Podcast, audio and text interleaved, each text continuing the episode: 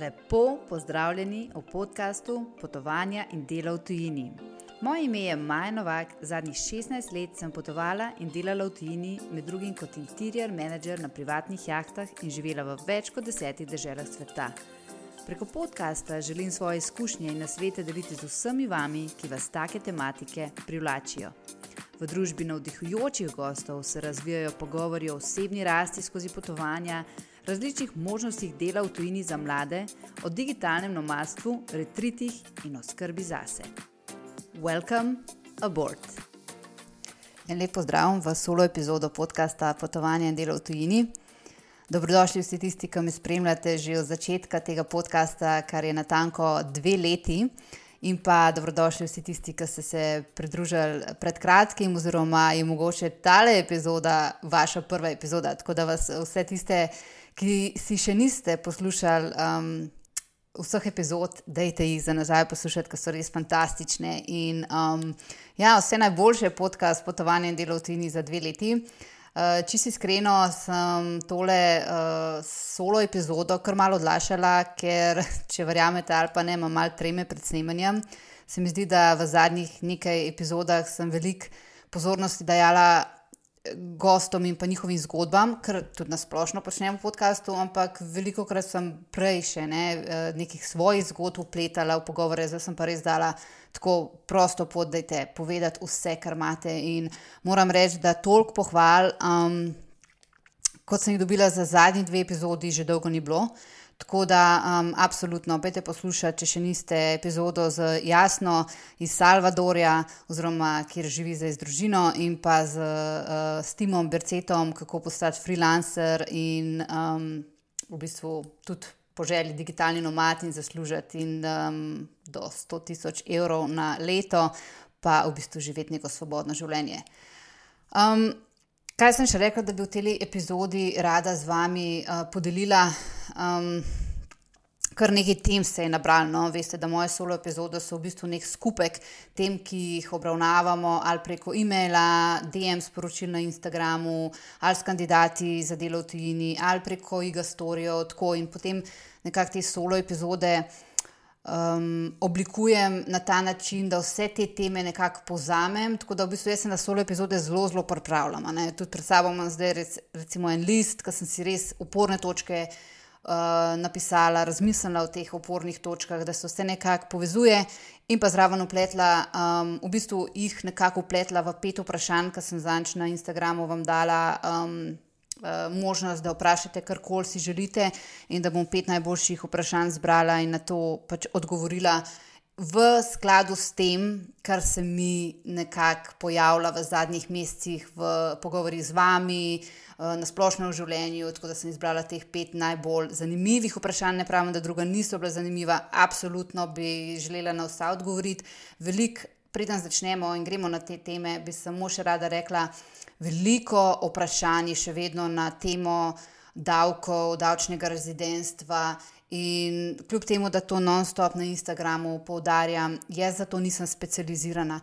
Tudi ne delim svoje zgodbe, ker bi lahko to v bistvu knjigo napisala, kako je s tem. In vsak primer je popolnoma drugačen. Ti, če si, ne vem, SP, pa greš delati kot digitalni nomad ali pa greš, ne vem v Brazilijo za eno leto, je popolnoma drugačen sistem, kot pa če si, ne vem, imaš DOO ali pa če si študent ali pa nimaš nekega statusa, um, pa moraš si zavarovanje plačati. In vsak, čist vsak primer je poseben in zato je treba dobiti dobro, dobro davčno uh, svetovalko ali pa iti na furs in pač se s tem sam na nek način moraš ukvarjati. Nažalost je tako. In jaz tudi, če bi delila svojo zgodbo, dvomim, da bi najdel vi v tem kakšno rešitev um, ker je pač vsak primer popolnoma drugačen.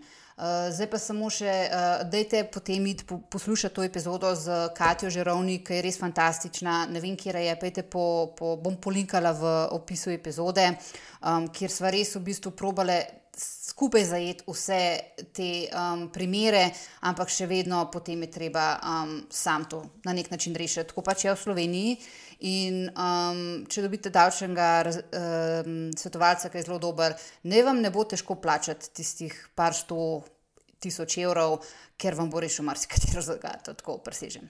Da ne bomo preveč ostali na temi, ki ni usrednja, da gremo um, v bistvu na te naše teme, ki jih imam za danes, ker nič ne želim spustiti, ne želim pa, da je to neka epizoda, ki bo tako dve uri dolga. Um, na koncu tega, te epizode bom z vami delila, kakšna je bila v bistvu lekcija mojega poletja, ki sem ga um, preživela večinoma v Sloveniji.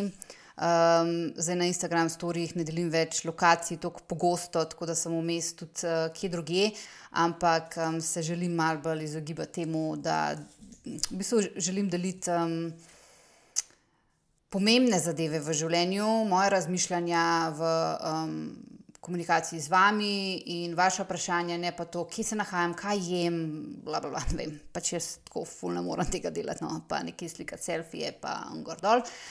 Nisem tak tip človeka, upam, da kdaj bom, ker to ful pali, ampak lej, bomo videli.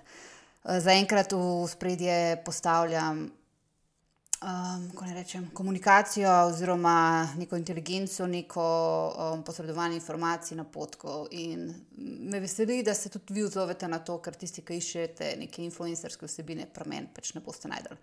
Um, okay. Tako da na koncu tega podcasta bom razkrila, kaj je bila ta lekcija, ki sem se jo naučila v teh mesecih in um, je bilo full the best to na nek način odkriti. Potem gremo pa na vprašanja. Zdaj, um, pet najbolj pomembnih vprašanj, mislim, zanimivih vprašanj, ki so se tukaj gor pojavila na moji listi. Um, in s prvim v bistvu bi otvorila teh pet vprašanj, uh, oziroma v to temo, ki je nekako. Um, dala v nek skupek um, in upam, da bo smiselna. Um, je pa resno, tisti, ki ste tukaj v solo epizodi, da bi slišali kakšne napotke na svete za delo v tujini, to, to ne bo, bo bolj taka, bolj življenjska epizoda, ker mislim, da nam to zdaj v zadnjih epizodah podcasta res manjka. Uh, prvo vprašanje je bilo, um, kaj ste se naučili v teh dveh zadnjih letih? To je bilo vprašanje, zato ker sem doskrat na Instagram storijih, kjer je večina mojih poslušalcev. Um, sem veliko delila, da v bistvu sem kariero v jahtingu zaključila 2021, uh, konec leta, in sem potem imela namen si vzeti nek karierni odmor, premisliti, kako naprej se pač ustaliti s partnerjem, mislim, ustaliti tako kot nama, to pomeni ustalitev, kar pomeni pač. Uh, delo posod in biti aktiven non-stop in biti na sto različnih koncih, to je za naj um, ustalitev, ampak pač začeti neko skupno življenje In um, potem se je ta, ta karjerni odmor, ki sem mislila, da bo trajal par mesecev, šest mesecev, mogoče tudi eno leto, se nikoli ne veš, ampak se nekaj, dokler ne, v bistvu ne odkrijem, na kakšen način želim nadaljevati svojo karjerno um, pot. Se je potem v bistvu tako razvilo, da sem rekla, da pač ta karjerni odmor ne morem jaz kar noč delati, ker sem oseba, ki v bistvu je aktivna, saj mentalno. Eh, tako, cel dan, 12 ur na dan, razen tiste dve ure, ki se odklopim zjutraj in zvečer, ko delam jogo, meditacijo, um, ne vem, čuječnost, če, vam je to bliže, um, in vse te razne prakse in rituale. Uh, ostalo je moj um tako šiba 24-7 in v bistvu me to sploh ne moti, um, zaradi tega, ker če ga usmerjaš v prave stvari in v prave informacije je to full beneficial. Um, to res lahko pomaga. Zato bi tukaj mogoče rekla, um, da je te usmerjati svoj um, svoje misli, svojo pozornost v nekaj konstruktivnega. Berite članke, poslušajte podcaste in novice, ki so za vas.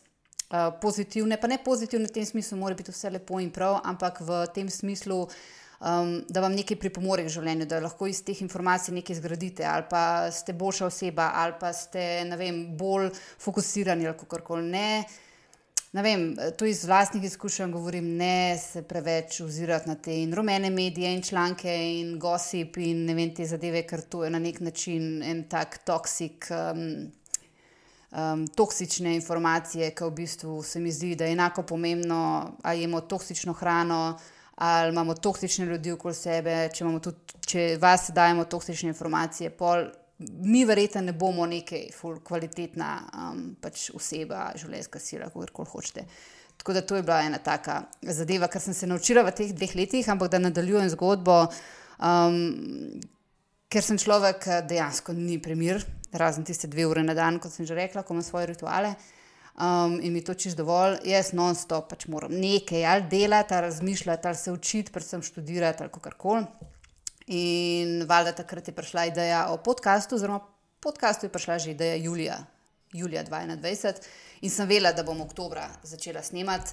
Imela sem scenarij za 44 epizod, rekla sem tako, no pressure, brez nekega cilja, sam posnel bomo to, kar jaz želim deliti, dati neke napotke na svete, kar sem jaz v teh 17 letih življenja in dela in potovanj po svetu osvojila um, in lahko delim, in ima mogoče še kdo kaj od tega, in zraven še ne vem, imeti full hude goste, ker drugače ne bi imela dostop do njih um, recimo do Marjana Gorevca, kdaj bi pač jaz prišla do njega, mislim, se, se že poznava odprej, ampak danes praktično, če ne greš na njegove delavnice ali karkoli, nimaš dostopa do njega. Tako pa meni to, da mi je posvetil recimo dve ure, da se je v podkastu pogovarjala, mi je bilo tako. Uf, Wow, in to z vsemi gosti, ki sem jih gostila, sem se tako počutila, ker se res počutim tako na nek način um, je ful, ful vredna spoštovanja in da nekdo si vzame, v bistvu, to se mogoče fulno sliši, to uro in posvet meni, mojemu podkastu, ki je moja platforma. Um, zato, da deli nekaj čist brez obvez, zato da pač vi, poslušalci, imate nekaj od tega in to je meni tako vreden, ogromno. In sem jaz res za vse te goste, ki jih je okoli 50, izjemno vesela in če kdo od njih to posluša, bi se rada ful, um, zahvalila še enkrat iz srca. Gremo nazaj na zgodbo. Sem vedela, da se bom tako um, zagovorila o vsaki stvari. Um, no, in potem se je ta uh, podcast začel. In kar naenkrat jaz vidim, um, da ima to zmeraj več poslušanj, in ljudje so delili, in nekaj komentarje dobim, da je to ful dobro, da ne še več delam, lahko na to temo. In jaz, ok, to pa nekaj kul. Cool, ne? Um, na kar so se začele razvijati stvari, in v bistvu več, kot ti daš od sebe. To je tudi ena lekcija, ki sem jo mogoče v teh dveh letih pridobila. Več, kot daš ti od sebe, več boš dobil nazaj. In več informacij, ki daš od sebe, več boš dobil nekih vprašanj nazaj. Na, na podlagi teh vprašanj boš lahko ne vem, nekaj razvil, neko novo storitev ali nek nov produkt ali kar koli. In potem so se začele razvijati razni produkti, kot so e-tečaji, ki so bili absolutno nekaj, kar sem šla čistko v, um, v novo in nisem vedela, da bo to toliko dela s tem. V bistvu devet mesecev je bilo, jaz mislim, da bom to v enem mestu imela vse posnet, zeditiran. Um, to je trajalo devet mesecev. Prej sem jaz za snove, za vse te tre, tri oziroma štiri e-tečaje naredila. Je bilo to tako, pač to je dejansko 17 let vseh mojih izkušenj, o, v predpripravi tečaju, v pisanju življenjepisa, v delu na jahti. In to ni tako, da samo nekaj govoriš, ampak res moraš narediti neko celoto. In to sem si jaz rekla, pismo to je bilo tako, kot da bi tri knjige pisala, oziroma štiri, če še štejemo webinar, sedem načinov iskanja dela v tujini. In sem rekla, wow. Um, tako da ja, na nek način so se potem začele kar same od sebe razvijati neke storitve. Imela sem zraven še pač tiste storitev pisanja življenjepisa za delo v tujini in se je potem seveda to razvilo tudi za stranke za delo v Sloveniji. Tako da na koncu je ta pot izbrala mene, kljub temu, da sem si vzela karjerni odmor, da bi jaz najdla pot. Eh, včasih je tako v življenju, da pot najde tebe in to je v bistvu tista najbolj avtentična, pristna pot, ker ti avtentičen, praktično v tistem momentu si rečeš, ma, veš kaj, ne vem, kaj točen bi zdaj v tem momentu, malo si bom vzel časa za sebe in bomo videli, a ne, In pol začneš prvo stvar, ki ti je všeč ali pa ne vem. Ki te zanima, se jo začneš učiti ali pa začneš delati, in na nek način te to potem pelje do druge stvari, pa potem do tretje, pa do četrte. In doskrat se jaz spomnim na Hemingwaya. Hemingwaya jaz rada prebiram, ker je Hemingway, um, Ernest Hemingway, eden izmed mojih najljubših pisateljev. Um, veliko pisal tudi o samem pisanju. In jaz, moja osrednja, ne vem, storitev ali kako bi temu rekla, stvar, ki je res ne, reč, ne bom rekla obvladam, ampak jo res rada počnem in dobro počnem, je pisanje in zato moraš imeti tudi neka mentorja. In kot se čujem, sliši Hemingway na nek način moj mentor in grem doskrat prebirati njegove tekste, ko je pisal o pisanjih. In on doskrat reče, ko ne veš, o čem pisati. Napiš prvo stvar, ki ti pride na pamet, in potem naslednjo stvar, ki ti pride na pamet, in tretjo, in četrto, in to lahko ful preneseš v svoje življenje na tak način, um, ko ne veš, kaj bi sam sabo, ker vem, da se s tem ubada. Tako 90% mojih poslušalcev, sledilcev in kandidatov, ker pa se o tem pogovarjamo, je prva stvar, ki jo naredi, kaj te zanima v tem momentu, zdaj te vprašam, kaj te zanima. In prva stvar, ki bo prišla na tvoje, uh, tvojo misel, je to. to. Naredi to, razen če je ilegalno, pa ne narediti. Ampak um, in tukaj začneš. In tukaj bi mogoče še. Um, Zaradi tega, ker je tokrat to, ne, eh, pa to, kar slišim, ja, Gen Z, pa se fuliše, generacija Z, pa ne vejo, kaj bi. Um, ful je težko najti to, kar te veseli, ampak tudi ful so nas na nek način okužili, da moramo biti čist skozi happy, na, na, nadgradnja sebe, se jaz tudi temu ful težim, ampak zaradi sebe, ker sem ful stroga do sebe, ampak tudi na splošno je tako, až pa moraš biti skozi happy, pa moraš, ne smeš biti depresiven, pa kakšna anksioznost, ne smeš, to se moraš, ne, to je vse del življenja, pač življenje je življenje. In včasih je dan, ko si ful happy, pa kad ti gre vse kul, cool, pa pa pride dan ali pa teden ali pa par dni, kad ti stvari ne grejo. Pa ne vem, imaš eno situacijo v življenju, ki te ful potrepa, pa sledi neka, ne vem, blaga depresija ali kako koli to je vse del življenja. Važno je, da ti v teh trenutkih se znaš na nek način izkopati ven, oziroma znaš prepoznati ta čustva in najti rešitve za to. To bo pri petem vprašanju, ki je bilo moje tako iskreno najljubše vprašanje, in sem takoj vedela odgovor. Um, bom še malo na, na to temo rekla. Ampak. Ja, to je tudi nekaj, kar sem v teh dveh letih um, z vami tudi veliko predebatirala o tem, kako se najdete. In tukaj bi mogoče um, vas usmerila na epizodo z Marinom Medakom. Bom tudi v opisu epizode to dala, ker se ne spomnim teh številk. Um, kako je on prišel do tega? Ful mi je všeč ta moški princip, zato imam jaz tako rada debate z moškimi, ki čist drugače gledajo kot na nas ženske, ki smo tako mali. Naši možgani so kot oni špageti, až tako se v bistvu prepletajo, sem pa tja, pa v bistvu nimajo nobenega ne vem, smisla, ampak ti veš, da je smisel, ampak samo če si ženska, moškim to ni smiselno.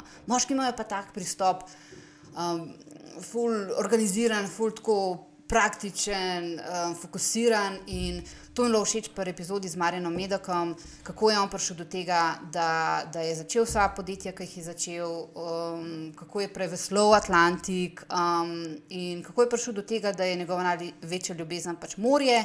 In to je to. Pol druga epizoda, ki je tudi malo povezana s tem, kako najti stvari, ki te veselijo, um, oziroma katerih si dober, niti ne, da te veselijo, je zadnja epizoda s Timom, je tudi zelo lepo opisal, kako je on prišel do tega. Um, bolj v smislu, kaj, da, da najprej definiraš, kaj te ne veseli, ne? in da je že to fulaži. In ta pristop mi je, ker moj pristop je bil vedno, ne, do zdaj, ko sem začela drugače razmišljati, probej vse, probej stvari, kad, ne vem, probej, probej, probej in še zmeraj mislim ampak um, v neki meri, tako postavil si okvire.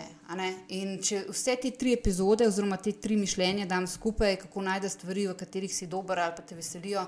Je najprej si postavil okvire, katere, katere stvari absolutno nočeš delati, uh, poklice, ki jih nočeš upravljati, ali pa ljudi, s katerimi nočeš sodelovati, in si to napiš na list papirja. Potem pa napiš stvari, ki jih imaš rad, um, ki bi jih počel, ki mogoče še nisi dovolj dober v njih, ali pa ne vem. In začni to delati. Pa si napiš pet, šest stvari in začni to delati, in verjamem, da te bojo vsaj ena od teh stvari nekam pripeljala. Da mogoče zaključim to zadnje vprašanje, mislim, zadnje. Prvo vprašanje, um, kaj sem se naučila v teh zadnjih dveh letih. Um, veliko je bilo lekcij, tako v bistvu nisem vedela, da bom pol uh, šla skozi tok stvari, um, ker so se tudi določene stvari pred mogli z odvetniki reševati, um, ker nekatera podjetja niso opravljala storitev, kar, pač, kar smo se dogovorili. Tukaj je bila ena večja lekcija, s katero sem se ukvarjala kar nekaj mesecev in ni bila prijetna, ampak me je ogromno naučila. Um, jaz veliko pišem, tudi tako na splošno, in vsaka stvar, ki se mi v življenju zgodi, uh, Um, ni pojem, da se zgodijo slabe stvari ali pa da greš delati neke napake, ker vsi smo ljudje in vsi bomo delali napake do konca življenja. In to je prav. Uh, neumno je, če se na teh napakah ne naučiš. In kaj jaz naredim, ko eno stvar narobe naredim, ali pa mislim, da mi je bila storjena krivica z druge strani, vedno je neka reakcija, akcija, se pravi, sem jaz mogla na nek način odobriti, da mi je bilo to storjeno, se pravi, nisem postavila dovolj visokih mej, ali nisem dovolj natančno um, vem, uh, skomunicirala stvari, ali sem videla red flage, pa nisem reagirala na to. Tako da vedno del odgovornosti jaz na sebe prevzamem, ker nikoli ni vse krivda nekoga drugega, nikoli, nekje si ti mogo dati avtorizacijo, da se ti to zgodil. Kot sem že prej rekla, prenisko postavljene meje, naivnost, um, ne vem, tako recimo pri meni ali pa vera v to, da bojo vsi naredili tako kvalitetno, kot ti narediš, pa v bistvu nekaterim je pač dejansko samo do keša. Um, in jaz kar pol naredim te lekcije, um, oziroma napake, ki sem jih naredila, napišem na list papirja, oziroma v novce na moj Apple, uh, na moj iPhone. Um, stvari, ki jih ne bom več počela v dogovorih z drugimi, ali pa um, ljudje, s katerimi ne bom več sklepala poslov, in pol napišem ali ne, in se tega držim. In to, to ti pol tudi pomaga, da si odpustiš za te napake, ki si jih naredil, naredila. Ker sprejmeš po eni strani odgovornost, prepoznaš, kaj si naredila, oziroma naredila narobe, in pa v bistvu tudi prepoznaš, da so tudi oni nekaj naredili narobe, ker vedno je tako in greš potem um, lepo naprej uh, s temi lekcijami, in si rečeš, nikoli več ne bom tega naredila, oziroma na tak način. Um, mogoče si, si še napišeš, kako drugače boš v naslednjem primeru reagirala, da ne bo prišlo do tega rezultata. Tako da to mi je fully pomembno, da se zavedamo, da moramo prevzeti odgovornosti, tudi če nam je storjena krivica.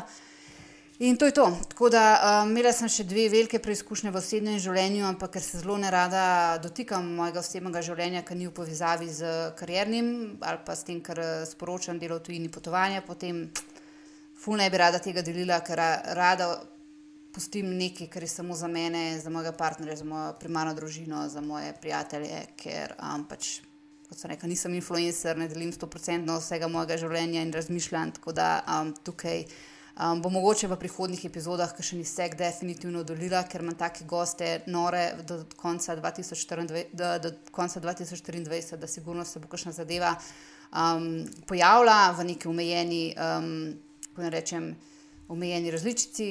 In um, ja, definitivno na koncu oktobra um, gostim enega psihoterapeuta, ki se bova pogovarjala o strahu in anksioznosti. In tako, oh, Že zdaj ste pripravljeni na epizodo, ker um, mi po eni strani tako strah, da bo tako močen sogovornik, ampak tako, can't wait, tako ne morem, ne morem dočakati. Uh, drugo vprašanje je, kaj za te pomeni reinventing. Um, ta vprašanje sem zbrala zato, da se malo povezujejo. Se pravi, ko se naučiš, kaj so bile lekcije, ko delaš revalvacijo, recimo, ne, zadnjega leta, zadnjih pol let, zadnjih četrtletja v biznisu ali pa zadnjih dve let v meni, ko si recimo, premen, ko si recimo, ne vem, mogoče ta karierni in osebni aspekt ful spremenil. Um, na, lahko povežemo s tem, da je to na nek način tudi reinventing. Reinventing pomeni, da sam sebe na novo izumaš.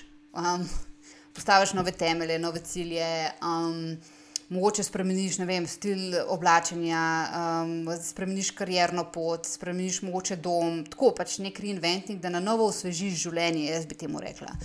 Um, to je za me pomen reinventing. Mislim, da je v življenju to fully pomembno, da imamo um, vsaj par reinventingov v celem življenju, zaradi tega, ker življenje teče in jaz dvomim, da je človek na tem svetu, ki nima lekcij, ki nima nekih stvari, na katerih se mora učiti, ali pa napredovati, ali pa ne vem, mogoče nek Buda ali pa nek menih v Tibetu, ki v bistvu tam meditira.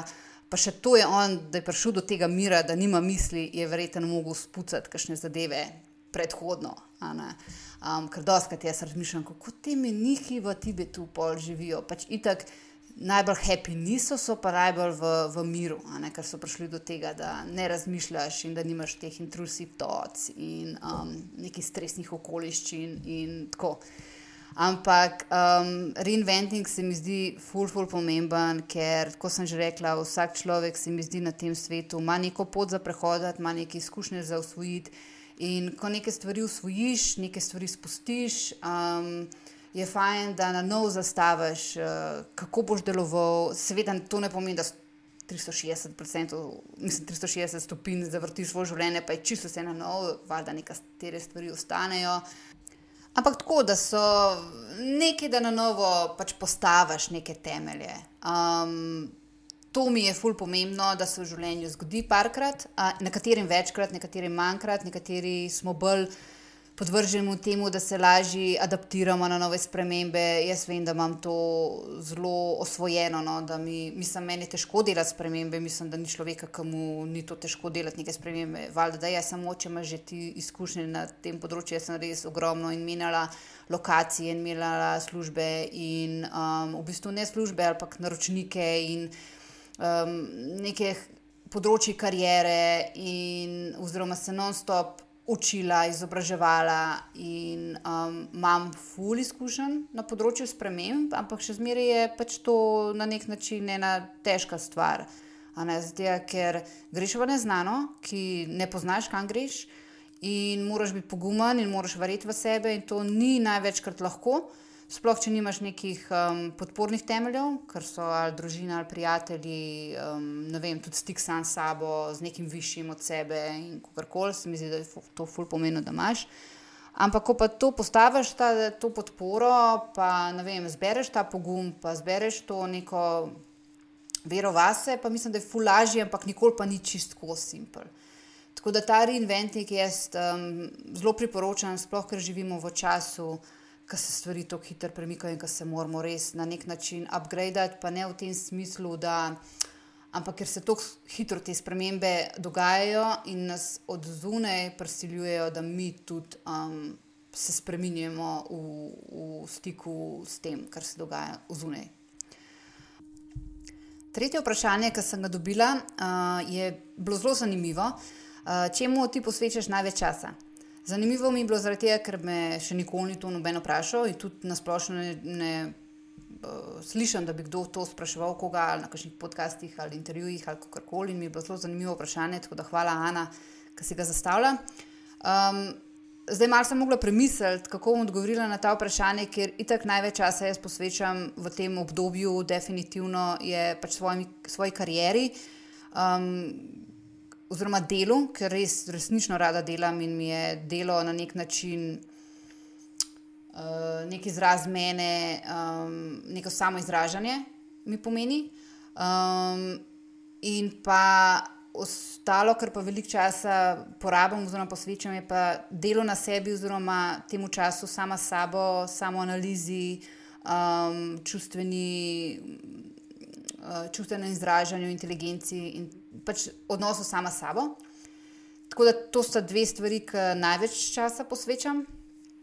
Ampak sem hotel odgovoriti na to vprašanje v malo drugačnem smislu, kaj jaz mislim, da je v tem obdobju najbolj pomembno, kam svoj čas, energijo in pa, če hočete, tudi denar uh, posvečati. Um, ni to kot na svet, ker ful se izogibam temu, da bi dajala na svete, ampak se mi zdi, da v tem obdobju, v katerem živimo, je najbolj logično, oziroma najbolj beneficial, že drugič sem pozdravila to besedo, uh, svoj čas vlagati v vase in pa v svoje znanje in pa svoje zdravje. Zaradi tega, ker se mi zdi, da vse izhaja iz nas samih, že to, vem, kako najti stvari, ki te veselijo, kaj rad počneš. Ja, pač moraš narediti neko um, nek pogovor sam s sabo, brati kakšne knjige in spet to je nek uložek časa v vase. Um, mislim, da je tu zelo pomembno, da investiramo čas in energijo v pridobivanje novega znanja, ker preveč hitro se vrti ta svet in toliko je novih stvari. In ti, da si v eni službi, in ne moreš si prvošati, da ti nisi na nekem, uh, ko ne rečem, da nisi v stiku s časom, kaj se dogaja, kakšni so novi pristop, pristopi. Um, tako, ful, ful opažam, da ljudje ostajajo za časom. Da je tako, ker že nekaj, ki je bilo en let nazaj, tako ful in, a, mislim, in ne in, ampak ful pomembno, da se zavedamo, ali pa kakorkoli nekateri še do danes niso ali usvojili, ali vem. Se, pač na to stopno prišli znanja, ali zdaj mogla bi kakšen primer navesti, ali pa uh, ne vem, čistko le iz mojih uh, delovnih izkušenj. Če GPT je prišel ven um, novembra prejšnje leto, um, zdaj že če GPT štirka, pač, moj bog, kva to vse zmore. Meni še zmeraj pošiljajo ljudje življenjepise, ki bi jih lahko če GPT napisal. In rabiš samo vem, en dan, par YouTube videov pogledati, mogoče še nekaj tečaj naučiti, kako se pač, no, kako narediti CV um, z ChatGPT-jem praktično. Um, in tako, ko gledam, kaj mi folk pošilja, si tako mislim, jo, pa sam to bi dal ChatGPT, pa bi ti napisal en res hud besedil. Um, res je, da moraš imeti neko strukturo, moraš znati prompte pisati, temu se reče prompting engineering, se pravi, ti moraš znati umetni inteligenci dati navodila, v kakšnem smislu ti napiše tekst, kot da bi dal svojemu podrejenemu. Tako da spet ni tako simpel, je pa nekaj, kar se lahko naučiš. In ta umetna inteligenca prihaja v vse pore našega življenja in ogromno nam bo, oziroma nam že olajša življenje. Meni je to olajšala, da v bistvu sploh je ne morem prehvaliti. Je pa res spet ena stvar, da se jo lahko v negativno uporablja in to tudi ne bo ok. Um, ampak ja, v to mislim, da investiraj svoj čas. Da investiramo svoj čas vase, se pravi, da se spoznavamo, um, čustveno inteligenco, čustveno izražanje, um, v znanje, da bereš knjige, da, da si um, v koraku s časom, da ni to zdaj spet, ne vem, se oklepaš nekih starih vzorcev socializma, kako bi mogli živeti, ampak tudi ne vem, tukaj aplicira mogoče na starše, ki še vedno vem, svoje otroke. Ja, pa moraš, ne vem, pa. Na, za pokoj šparati, pa kaj pa bo, če eno leto ne boš zaposlen, pa ne boš imel delovne dobe. To je, ne vem, to je tako pač meni, ful smešen um, varnosti ni, pač skoraj ni več, ne? varnost iščeš danes pač v sebi. Um, in tudi uh, delovna doba ti ne bo pomagala do varnosti. In um, pa v svoje zdravje, jaz mislim, da toliko se bo v, um, tako kot je predikcija, koliko bolezni se bo še razvilo, oziroma koliko ljudi, procentov bo imel, ne vem, res težke bolezni in vse to samo zaradi tega, ker smo pač začeli, mislim, že dolgo uničujemo naravo, zrak, vodo in vse to, in pač to bo imelo tudi posledice na nas. In mislim, da to, da ti investiraš svoj čas in energijo, da si pač pripravljaš neke uravnotežene, kakorkoli zdrave obroke, da res paziš, kaj daš v sebe. Um, in s tem pridobiš nek fokus, s tem pridobiš neko zdravje, ki si lahko kvaliteto svojega zdravja pač praktično podaljšaš za x let, 20 let, lahko tudi. Ker zakaj jaz tako skrbim za svoje zdravje, pa to je bila tudi ena izmed najboljših um, stvari, ki se mi je zgodilo v življenju, da sem izgubila zdravje pri 23 letih, 24 in sem se mogla začeti brigati za to, kaj dajem vase. Um, sem fulj vesela, da se mi to zgodilo že tako zgodaj in sem, da nisem to šele zdaj začela pri 36 delati, ker bi marsikšno škodo si naredila.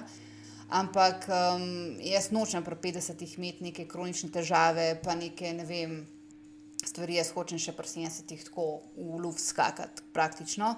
In zato mi je ful pomembno, ker nočem biti niti odvisna od um, raznih tablet, inštitucij in vse te zadeve. In zato mi je ful pomembno, da vlagam svoj čas in energijo, ki je kar velik, čeprav potem, ko to avtomatiziraš, tudi postane neka navada ni več težko jesti zdravo in paziti na to, kaj ješ, in samo izločiti spet tukaj, kaj ne boš jedel. In samo kupovati stvari, ki jih ješ, pa v bistvu navezati stike s kmeti, kmeti so tu zlata vredni. Zdaj smo se z eno znanko pač pogovarjali, kako je v bistvu Slovenija res ena kmečka država, kar je, pač sorry, nismo mal večja vas, vsi smo po duši mal kmetje um, kljub temu, da se imamo za svetovljane. Ampak uh, je pa ena dobra stvar, ne? imamo pa res to, ta odnos do zemlje in agrikulture, ful, ful močen. In jaz to, kar sem prepotovala, še vedno bom in zavedno bom trdila, da imamo v Sloveniji najboljšo hrano na svetu, um, ki je še vedno dosti hranilna in nas podpira pri vseh uh, zadevah, ki jih imamo v življenju. In, Um, nažalost, ne vem, jaz vedno bolj opažam v trgovinah, kakšne šice prodaja, zdaj tudi prahaja v nove medije, koliko pesticidov, pa fitokemikalij, um, ostankov fitokemikalij je v zelenjavi in vem. Sadju na vseh predelkih, tako da, ko pa enkrat dobiš enega kmeta, jaz jih imam tako na različnih lokacijah, Um, in ko dobiš in ko veš, da ne šprica ali pa minimalno šprica, se tudi nekdo, če šprica sadje s kemikalijami, ni rečen, da bo kaj ostalo noter v tem. Samo mora to zelo uporabljati na tak safe način, ampak načinom, večino imam jaz kmete, ki v bistvu res um, gojijo oziroma vzgajajo uh, vse, kar imajo, pač brez nekih uh, fitokemikalij. In, um, mi je to fully pomembno, no, da ne uh, moti mojega hormonskega sistema uh, in vse te zadeve. Da ne bom preveč šla v detajle. Um, in da zaključim to vprašanje, jaz mislim, da je najboljša investicija svojega časa, energije in znanja vase, v odnos v sebe, sabo, um, v znanje, se pravi, da smo v koraku s časom in pa da uh, v svoje zdravje. Jaz mislim, pa tukaj bi lahko še rekla, seveda, v odnose, kar je tudi fully pomembno, ampak mislim, da če imaš te tri stvari, pošlihtane so pa avtomatično odnosi fully boljši, ker ti že če delaš na sebi. Pa imaš ta nek odnos sam s sabo, vsaj približno pošlihtan. S to ne govorimo, da si ti zdaj, ne vem, kaj bog in batina tukaj, absolutno noben ne more biti ampak da saj približamo stvari po šlihtane in pol so tudi odnosi veliko lažji. Tako da mislim, da gre to roko z, Ro, z roko v roki. Um, četrto vprašanje je, kako biti v stiku s časom in ni, ne biti v stresu. To sem mogla prav kontaktirati uh, um, to osebo, ki mi je to vprašanje poslala, ker nisem čisto razumela. In se je ful dobro, ker se navazuje na prejšnje vprašanje, zato sem jih dala v takem redu. Um, in je v bistvu mi pojasnila, da se ona počuti, ta oseba, kot da um, mora non-stop biti uh, na tem kolesju, kot že govorimo o tej epizodi, kako se pač ta svet hitro vrti. In moraš non-stop biti obveščen, brati novice, kaj se dogaja, ne vem, ulagati v investicije, ne vem, uh, kaj se dogaja na nepremičninah. Pač, a veš, tako v bistvu skozi moraš biti na nekem uh, um, informiran, ampak to ti pa lahko tudi škoduje, ker je preveč informacij in kako ob tem, da si informiran, pa biti v stiku s časom, ne bi zraven tudi anksiozen po stresu. In to bi bilo tako, ful dobro vprašanje, tako res. In um, jaz se tudi tako počutam. In tudi tretje vprašanje je bilo tako, ne, oziroma odgovor, da res priporočam, da smo vsi v stiku s časom, ampak do neke mere. Um, da se izobražujemo, ampak res, pač tukaj je spet treba definirati, na katerih področjih smo v stiku s časom. Se pravi, tisti, ki so najbolj pomembna področja v našem življenju, se pravi, definitivno na tistem področju, ki imamo delo, kariero, pač moraš biti v stiku s časom. Jaz se ne morem pravošati, ne vem, da ne vem, še zmeraj delam. Nekaj, kar je bilo popularno, ali pa uh, v, tri leta nazaj, moram se adaptirati, pa narediti nekaj, kar je pač za ta čas pomembno pa za to klientelo, ko jo imam, pa kako se odziva ta klientela in vse te zadeve. Um, naprimer, ne vem, sam uh, delam z najbogatejšimi ljudmi, sem butler, kako koli.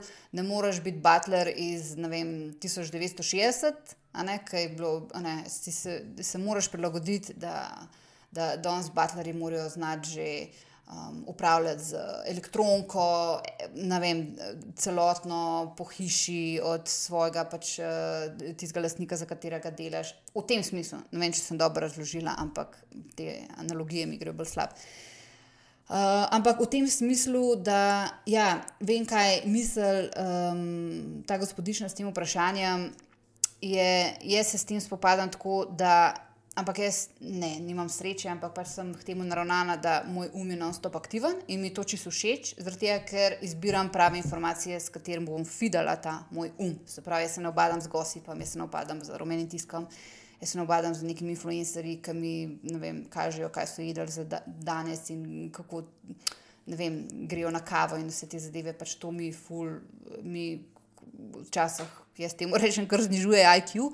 In jaz se temu ful. Pa, tukaj ni to kritika na nikogar, pač vsak daje od sebe, kar želi dati, ne glede na to, kaj želi povedati ljudem. Ampak da je ful pomembno meni, s kakšnimi informacije, eh, informacijami svoj um, um polnim. In ko je pač konc tega, in zato imam te dve uri odrejeni na dan, zjutraj in zvečer, nujno za vse moje rituale, ki jih je kar precej in jih menim, včasih delam to, včasih hun, ampak vedno je neka osrednja tema meditacija, yoga ali trening ali kickboxing, mislim, boxing ali ne vem, uh, tale. Um, Kakao, obredni kakao, ali tako pač različne imam te obrede.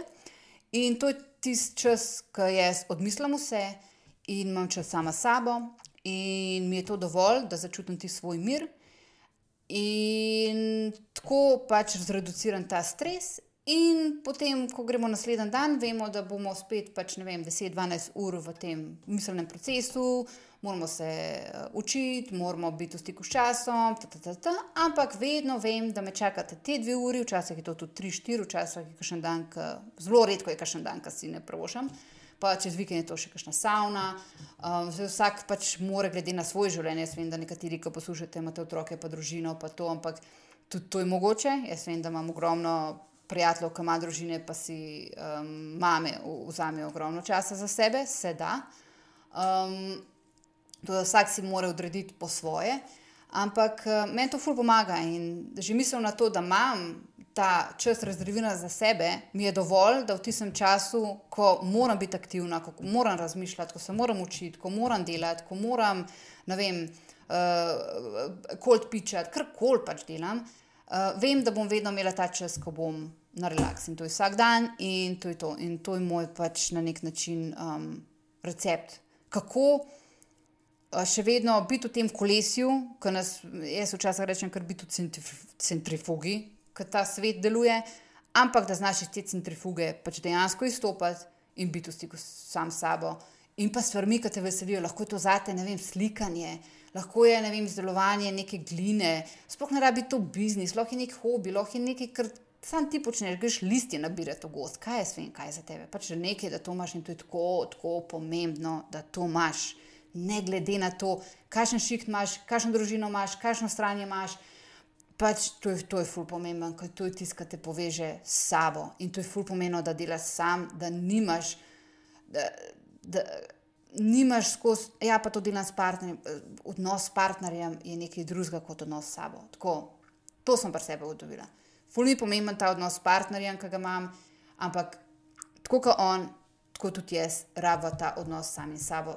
In ta partnerstvo, ki ga imamo, je tretja entiteta. Nisva mi dva, nisva, ne vem. In mi, da se nismo v tem procesu izgubila. Ne je sebe, ne on sebe, ker ima pač to tretjo entiteto, ki je odnos naj.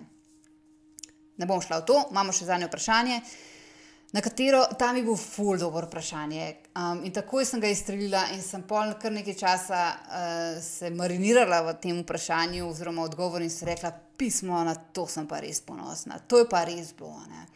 Uh, no, vprašanje je bilo, na katero stvar si pri sebi najbolj ponosna. To pač jaz karikiram, verjetno v celem življenju, ker sem pač doživela in do te točke, na kaj sem pri sebi najbolj ponosna.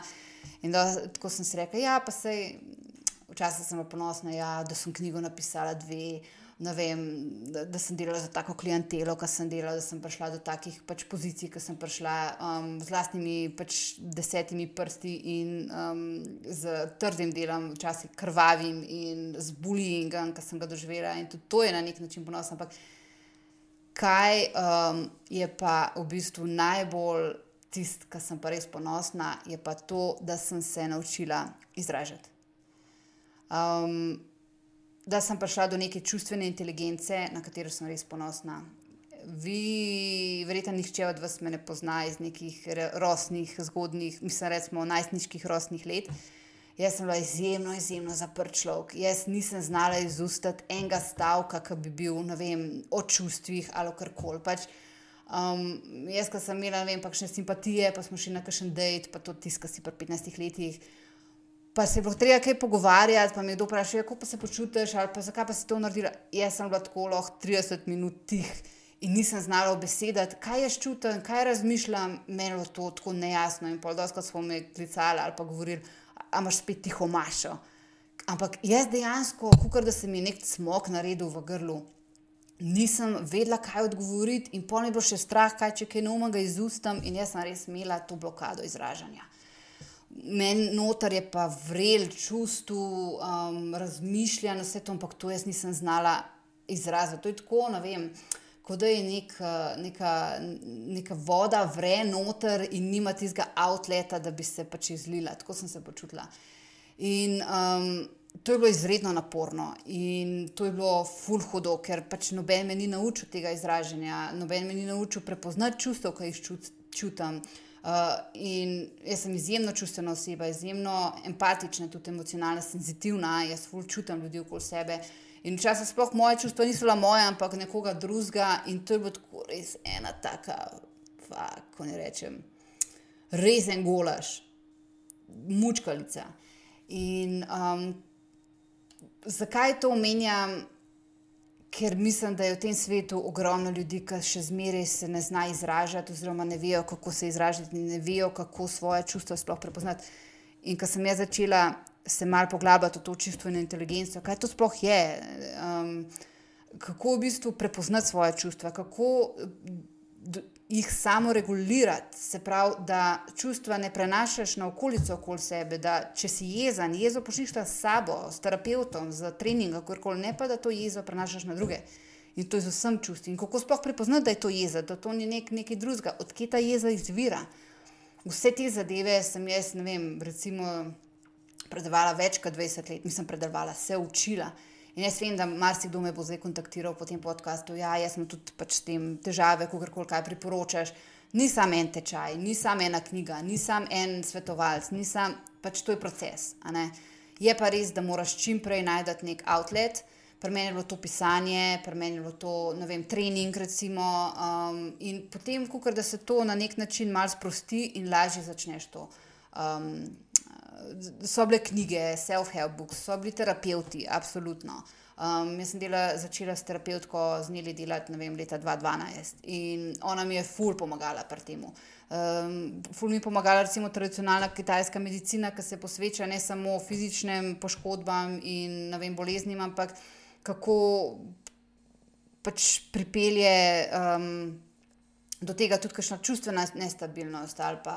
Um, uh, stres in vse te zadeve. In v kitajski metafiziki, oziroma daoizmu, oni pač dajo pozornost na to, kako prepoznati čustva, kako jih sprejeti, kako jih uporabljati kot neko konstruktivo, ne destruktivo.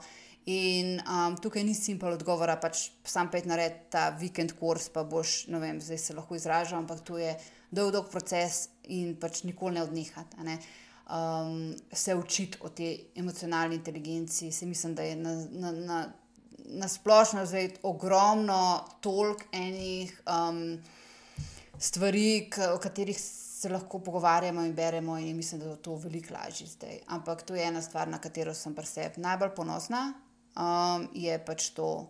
Um, kako se čustveno izražati, oziroma na splošno izražati. Da to jaz govorim zdaj, imam svoj podcast in govorim o svojih čustvih in o svojih razmišljanjih, to, bi bila, to sem bila jaz nesposobna um, 20 let nazaj. To, to si nikoli ne bi mislila, da bi bila sposobna toliko. Kot Mendelska reče, pa te je tako naravno o tem govoriti, ali pa ti to veš, pa to pa ne, ni. To je samo pač trening, učenje, never give up. Um, vsak, vsaka stvar, ki se ti zgodi v življenju, malo zanaliziraš, zakaj se ti to zgodilo, pej nazaj v otroštvo, vem, kje so se te stvari začele pojavljati, naj te ne bo strah, pej na psihoterapijo, pej do terapeuta, če te kar koli zanima, sprašuj. Um, uh, mislim, da sem že malo dolga. Tako da um, tema mojega poletja, ki sem rekla na začetku, da vam bom še razkrila, je: um, nikoli ni prepozno. To je štiri mesece, sem se učila. Um, uh, stvari in prišla na koncu do tega, da nikoli ni prepozno za nič. Zato, da začneš svoj biznis, zato, da vem, izboljšaš odnose s svojimi starši, zato, da posvetiš več časa stvarem, ki jim prej mogoče nisi, pa si se počutil krivo, krivo, kriv, krivega. Um, pač tema mojega poletja je bila, nikoli ni prepozno. In sem, to sem toliko začela verjeti in toliko me um, ne more nič več zaostati, ker sem to globoko začela pač v to verjeti, da res, ne glede na to, koliko si star, iz kje si, kaj si, kdo si, um, nikoli ni prepozno. Tako da to je to za enkrat. Rada bi vas samo še povabila, če vam je bila ta epizoda všeč in če vam je karkoli všeč od mojih dragih sponzorjev um, in bi si to radi uh, mogoče naročili oziroma vzeli za, za te, kar smo govorili o zdravju. Vse to sodelujem s podjetjem Avimed, um, pripravljamo tudi eno fur zanimivo epizodo v novembru, tako da komaj čakam za eno gostjo, ki je moja top 5. Um, Ko jim rečem, uh, um, temu role models, bi kar rekla, tako me čakam. Uh, Avemet so uh, prehranska dopolnila, Teranova, ki jih jaz jemljem že tri leta, Zdaj že malo več, zdaj že tri leta pa pol in sem jih na ključno odkrila um, v Italiji ali Franciji, potem sem pa videla, da so tudi v Sloveniji. In ko sem jaz ta prehranska dopolnila probala, je bilo to to. Um, delujejo takoj In um, jaz ni več dneva, da ne bi v bistvu um, brez tega uh, začela dan s probiotiki. Probiotiki so moj number one, magnezij, B vitamin um, za živčevje in za pač mišice in za nasplošno. Um, dobro počutje, železo sem spet začela jemati, um, njihov življenjski napitek sem zdaj začela uh, sprobavati, uh, ker imaš v bistvu v eni žlici toliko enih stvari.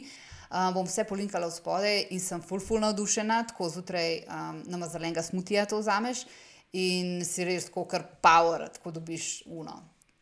In pa ogromno nekih produktov, maka je valjda moja number one frendica, um, ki mi daje res en fokus, energijo. Uh, CBD uh, iz podjetja konope.si, ki sem v bistvu čisto na ključno začela z njimi sodelovati, ker sem jih kontaktirala, sem rekla, bom probala, pa če mi bo všeč, bomo kaj naredili. In pol sem bila tako navdušena, kaj CBD kapljice. Lahko naredijo v tvojem počutju, kako se lahko v bistvu bolj mirno soočaš s stresom v življenju. Um, zdaj, recimo, um, preizkušam CBD slip za spanje in spim, ko obita, presežem. Prej ne vem, zakaj, pa eno leto pa pol že jemljem, nisem nikoli CBD slip probala in to je zdaj moja number one. Uh, tako da zvečer vzamem, recimo, 5 do 10 kapelj CBD slip za spanje, uh, zjutraj uh, pa pot, potrebi. Tako včasih ne vzamem, včasih pa vzamem tako ene 5 um, kapljic z 15-procentnim um, tem uh, CBD, uh, eh, noter, ki ga ima, včasih pa 30-odstotni. In tako tudi na, uh, naš majki, pes, družinski, uh, jemlje to in je full, full, um, bolj uh, spi in je nasplošno manj uh, živčen, ko ne temu rečem. Tako da sem res navdušena, to sta moja dva sponzorja. Um, In ja, kaj naj še rečem, če rabite kakršno koli podporo pri delu v tujini, pišite mi na Instagram, DM, še rajš vidim, da mi napišete v e-mail um, vašo situacijo. Um, res vam priporočam e-tečaje, zdaj, ker sem jih naredila z mislimi za vas, se pravi za delo na jahti, absolutno vzemite e-tečaje delo na jahti za predpripravo na tujino, ni več varna kot včasih. To stvari se ti lahko zgodi. In če se pripraviš na to, da greš v tujino, je 90% stvari zdrihtanih. In zato je pred, uh, e-tečaj predpriprava na delo v tujini in potovanje. Uh, e-tečaj pisanje življenjepisa na moderen in avtentičen način sploh ne bi omenjala, ker to mislim, da vsi od nas rabimo, kako na res tak prodajen mindset um, dobiti službo, ki si jo želimo, oziroma vsaj biti v top pet kandidatih, ki so na razgovorih. Um, in ja, to je to. Če pa iščete na splošno delo v tujini, pa sedem načinov iskanja dela v tujini, res je tako najbolj um, pocen, etečaj, samo zaradi tega, ker sem hotla, da je vsem dostopen in da res v bistvu takoj dobite vsa urodja, kako si najdete delo v tujini. Včasih je že to, da zamenjamo neko svojo lokacijo, um, vse, kar rabimo narediti. In svoje življenje in situacijo vidimo v čist neki drugi, um, kako naj rečem, luči. Tukaj bom zaključila in se vam še enkrat zahvalila za vso podporo um, pri podkastu, pri vsem, kar počnem. Um, in pa, ja, vesela bom, če napišete kakšen komentar v. Uh, podcast platformo, Apple Podcast ali pa Spotify, Google Podcast. Um, to mi bo ful pomagalo, da se podcast rangira še više, zato dobim lahko še boljše gostje, goste. In um, čaka nas velike ni zadev. Um, v jeseni in potem v naslednjem letu, ker jih pač še ne bom delila, ne gre vse go with the flow, um, boste pa obveščeni um, takrat, ko bo treba. Tako da, ja, bote lepo. Um, in ja, če pa imate kakšen komentar na tale podcast, bom pa tudi vesela vašega mnenja. Se slišimo k malu. Čau.